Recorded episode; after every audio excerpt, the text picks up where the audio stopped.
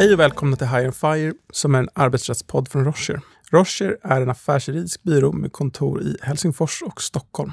Jag heter Peder Boström och jobbar som Senior Associate i arbetsrättsteamet här på Rocher. Och jag heter Sam Seddig och också är Senior Associate här på Rochers arbetsrättsgrupp i Stockholm. Och idag har vi med oss en gäst, Pernilla.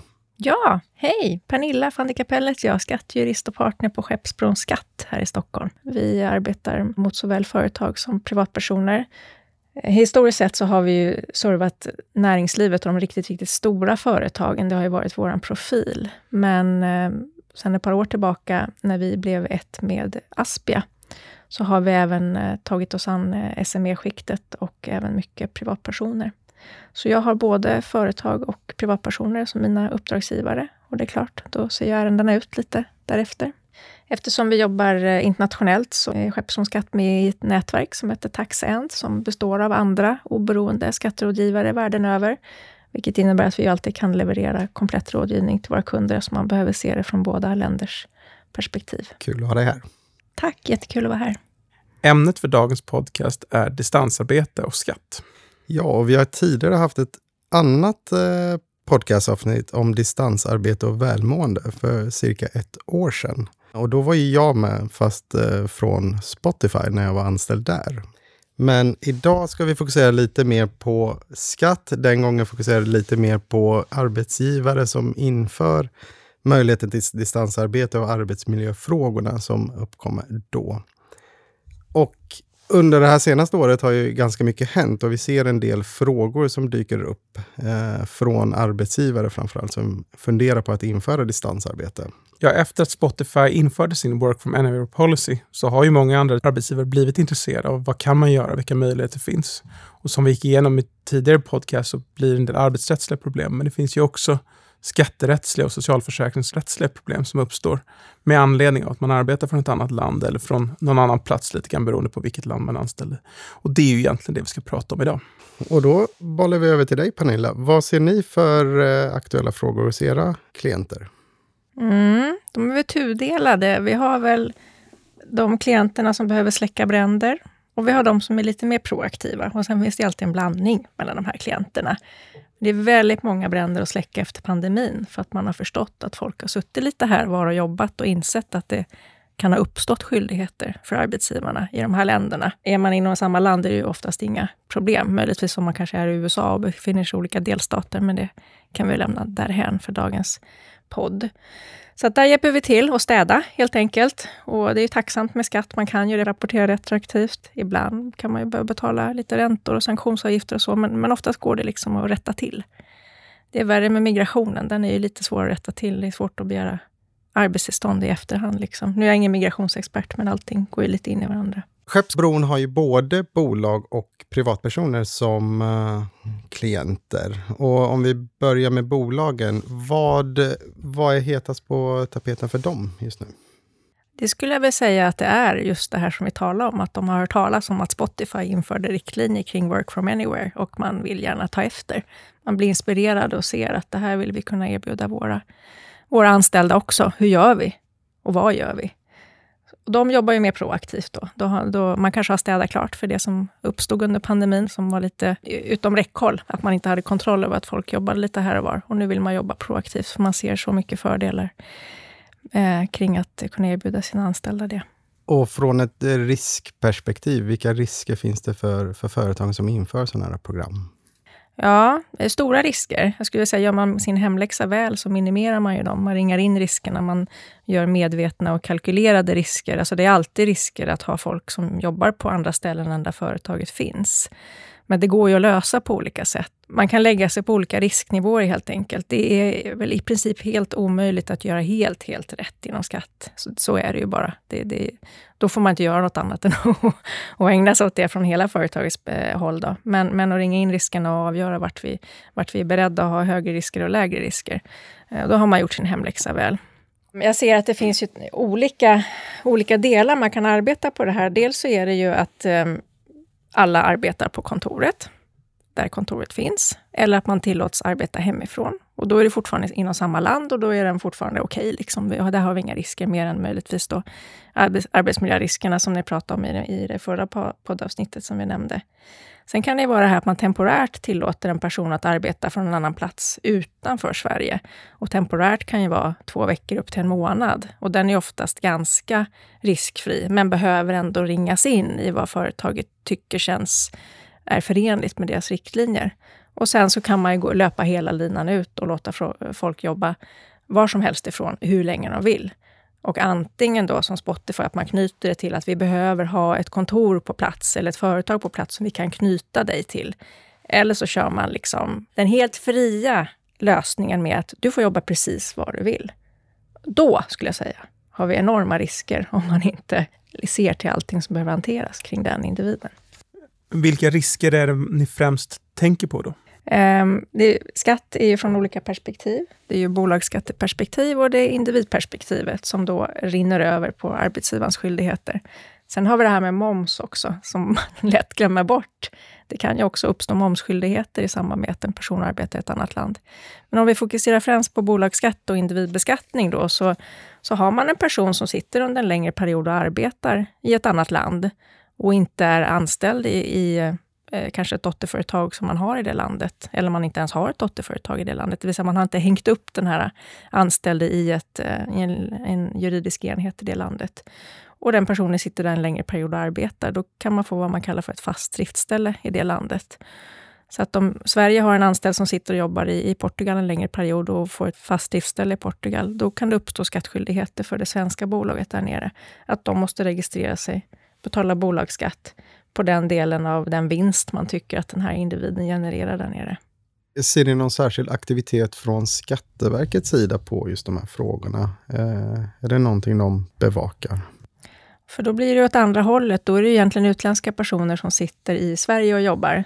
Svenska Skatteverket eh, ser ju främst till, till sin egen skattebas, så att säga. Sen har man ju koll på, på alla svenska företag och anställda också, som, eh, som kan lämna in olika sorters ansökningar om att inte behöva betala skatt medan man arbetar utomlands och så vidare. Men utländska företag som eh, är verksamma i Sverige utan att vara etablerade här, är verkligen under luppen, skulle jag säga. Och det har ju kommit upp till ytan ordentligt då i samband med att man införde den här äh, nya lagstiftningen kring ekonomiska arbetsgivarbegreppet, som inte bara handlar om det, utan väldigt mycket andra långtgående skyldigheter för utländska företag som är aktiva i Sverige. Ihopkopplat med att det kan uppstå en skattskyldighet, då uppstår ju också långtgående rapporteringsskyldigheter. Och har man inte administrationen på plats då, så kan det bli ganska kostsamt med att ta in konsulter och så vidare som ska hantera allt där i efterhand. Sen ska man ju aldrig betala dubbel skatt, så att man ska inte betala skatt på en vinst i Sverige som man betalar skatt på i, i Portugal. Men då ska man begära avräkning för den och det kan vara ganska utdragna processer. Det kan ta flera år att få tillbaka de där pengarna. Så man, man kan ju få en cashflow-problematik därifrån ett företagshåll.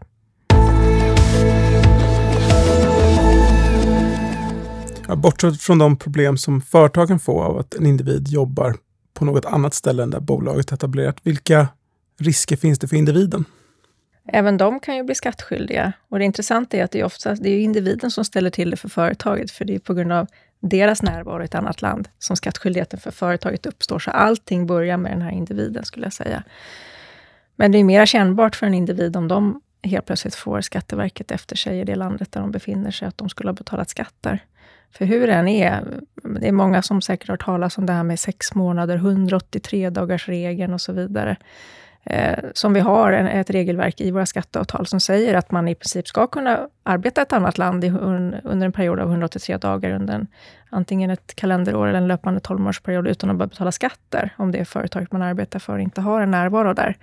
Men varje land har ju sin egen nationella lagstiftning som kanske inte alls går hand i hand med det där. Och man måste ju alltid börja titta på den nationella lagstiftningen. Sen så tar ju alltid skatteavtalet över, men om den nationella lagstiftningen tycker att den här individen är skattskyldig där, då kan det krävas rapportering och, och att individen behöver meddela Skatteverket att man är där, men att man kanske inte har en skattskyldighet i slutändan. Men ändå man behöver man behöver lämna någon slags dokumentation för att påvisa att man eventuellt inte ska betala skatt. Och ska man betala skatt, då krävs det väldigt ofta att den utländska arbetsgivaren registrerar sig i det landet och rapporterar in skatten löpande. Och det är ju oerhört mycket administration. kring det och, och beräkna förmåner. Hur ska det beskattas i det här landet och hur, hur, ja, hur ser den lagstiftningen på det? Och valutaväxlingar hit och dit. Och, så det är oerhört mycket administration som man kan dra på sig skattemässigt.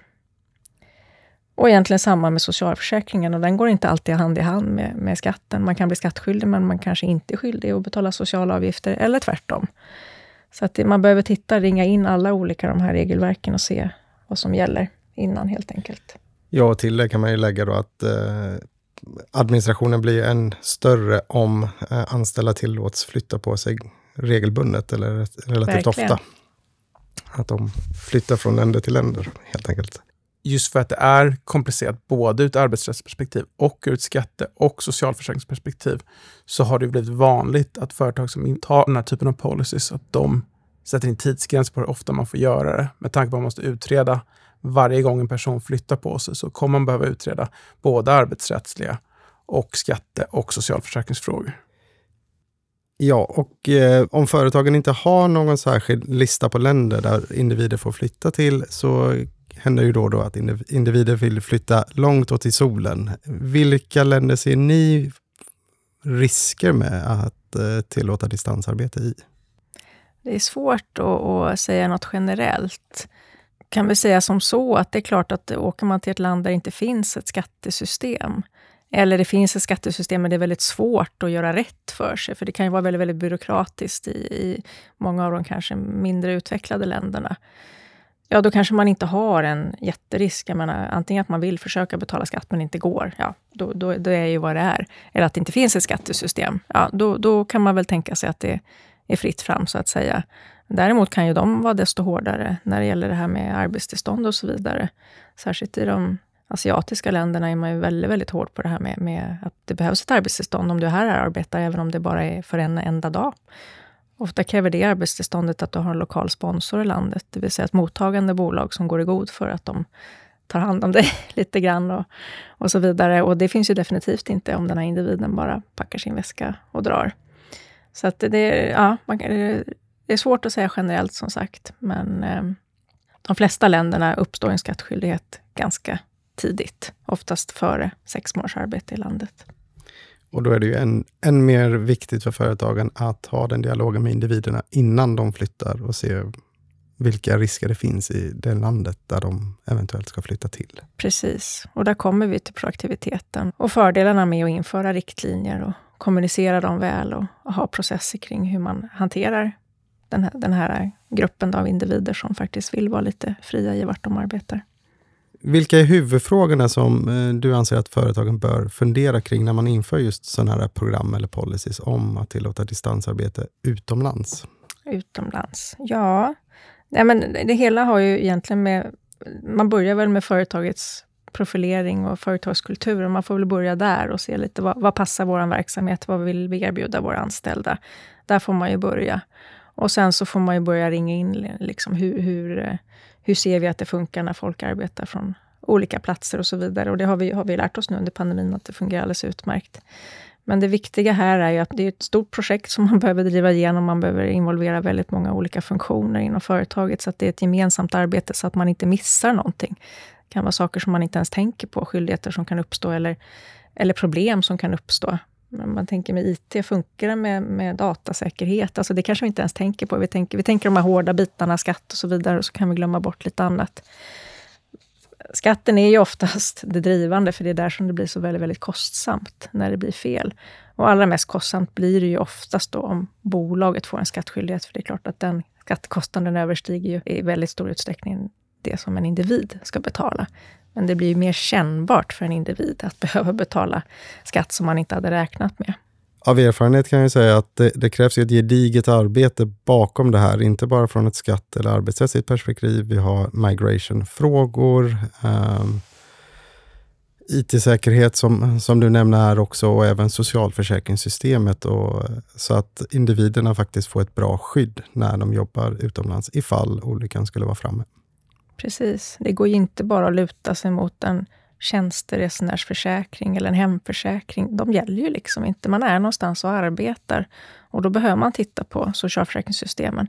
Och det är klart, då har vi ju förspänt inom Europa att det är hyfsat enkelt att röra sig och man kan söka intyg för att påvisa då att man antingen kvarstår eller att man inträder ett annat lands socialförsäkringssystem. Men utanför eh, EU är det ju betydligt krångligare, skulle jag säga. Har ni sett några tendenser till att förenkla de här reglerna med tanke nu på att det blir vanligare? Eller är det, är det, här, är det som det är? Ja, lagstiftaren hänger väl inte riktigt med. Och det ska vi väl egentligen vara glada för, för att är, vi vill ju inte hamna i en, i, i, en stat med ett rätt så säkert läge där man stiftar nya lagar över natten bara för att trenden påbjuder det. Utan det, det ligger ju lika mycket arbete från deras håll som det gör från bolagens håll när man ska införa nya regelverk. Jag vill ändå tro att det, att det kommer ske en, ett skifte här. Att eh, det kommer bli lite mer pragmatiskt och lätthanterligt. Men man ser ju också, mm, mm, nu är inte jag bolags eh, skattejurist, jag jobbar med personbeskattning, men, men alla de här BEPS-regelverken och så vidare som har införts, att varje land ser över sin skattebas och det är mm, liksom, rätt del ska beskattas i rätt land. Om man bara översätter det till individerna så, och skulle införa samma process där, så skulle det innebära att du skulle skatta i det landet där du arbetar och där du eh, finns. Liksom. Och, men men det, jag tro, det jag vill tro är att tekniken kommer att hjälpa oss mycket här. Så jag tror att kan det bara bli smidigare att göra rätt för sig, så kanske inte regelverket behöver förändras så mycket. För att det, det blir en harmoniering, en harmonisering och att man kanske till och med som vi har inom Norden, att eh, Skatteverken samarbetar med varandra. Vi har träckavtal inom Norden, så vi kan skicka skatter mellan myndigheterna. Det här har Pelle betalat här, men det skulle han ha betalat där. Och vi kan utöka de samarbetena mellan skattemyndigheter, kanske inom EU i första hand, eh, där vi ändå har andra samarbeten, så, så tänker jag att det skulle underlätta väldigt mycket. För att sammanfatta dagens diskussion så är det här med skatt och mobilitet någonting som är viktigt att tänka på i förväg och se till att man gör rätt från början så man inte hamnar i ja, oväntade konsekvenser i efterhand. Och det var allt vi hade att bjuda på idag. Så tack för mig. Tack och kul att ha dig här, Pernilla. Det var jättekul att få vara här. Tack så jättemycket.